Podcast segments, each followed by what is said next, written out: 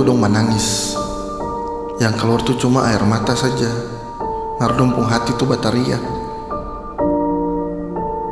Orang-orang tuh dong banapas saja. Banapas deng tomat, cili, bisa juga kolsa panggal yang dong tanding cuma par rupiah. Orang-orang tuh dong cuma berdoa. Berdoa deng karingat di belakang kamu di oto. Dan dong jarang bisa berbaring. Dong yang beta bicara nih masih sadiki. Ada banyak lain.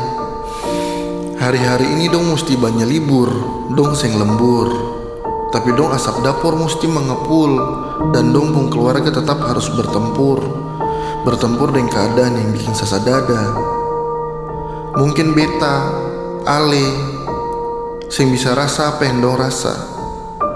Tapi beta yakin ale, beta, katong semua punya hati untuk bertanya besok dong makan apa kalau dong seng kerja? Dong itu cuma manusia yang banapas deng karingat dan dong berdoa deng semangat.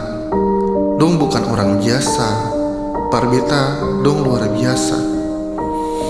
Ini bukan cuma tentang perhatian.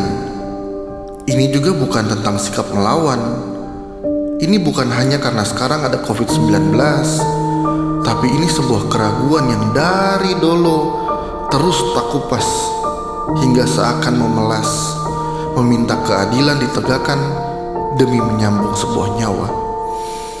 Jika kata adil tuh susah ada arti, yo mari katong pulang. Katong pergi ke pinggir parigi, cigi timba, baso muka, lah masuk sombayang.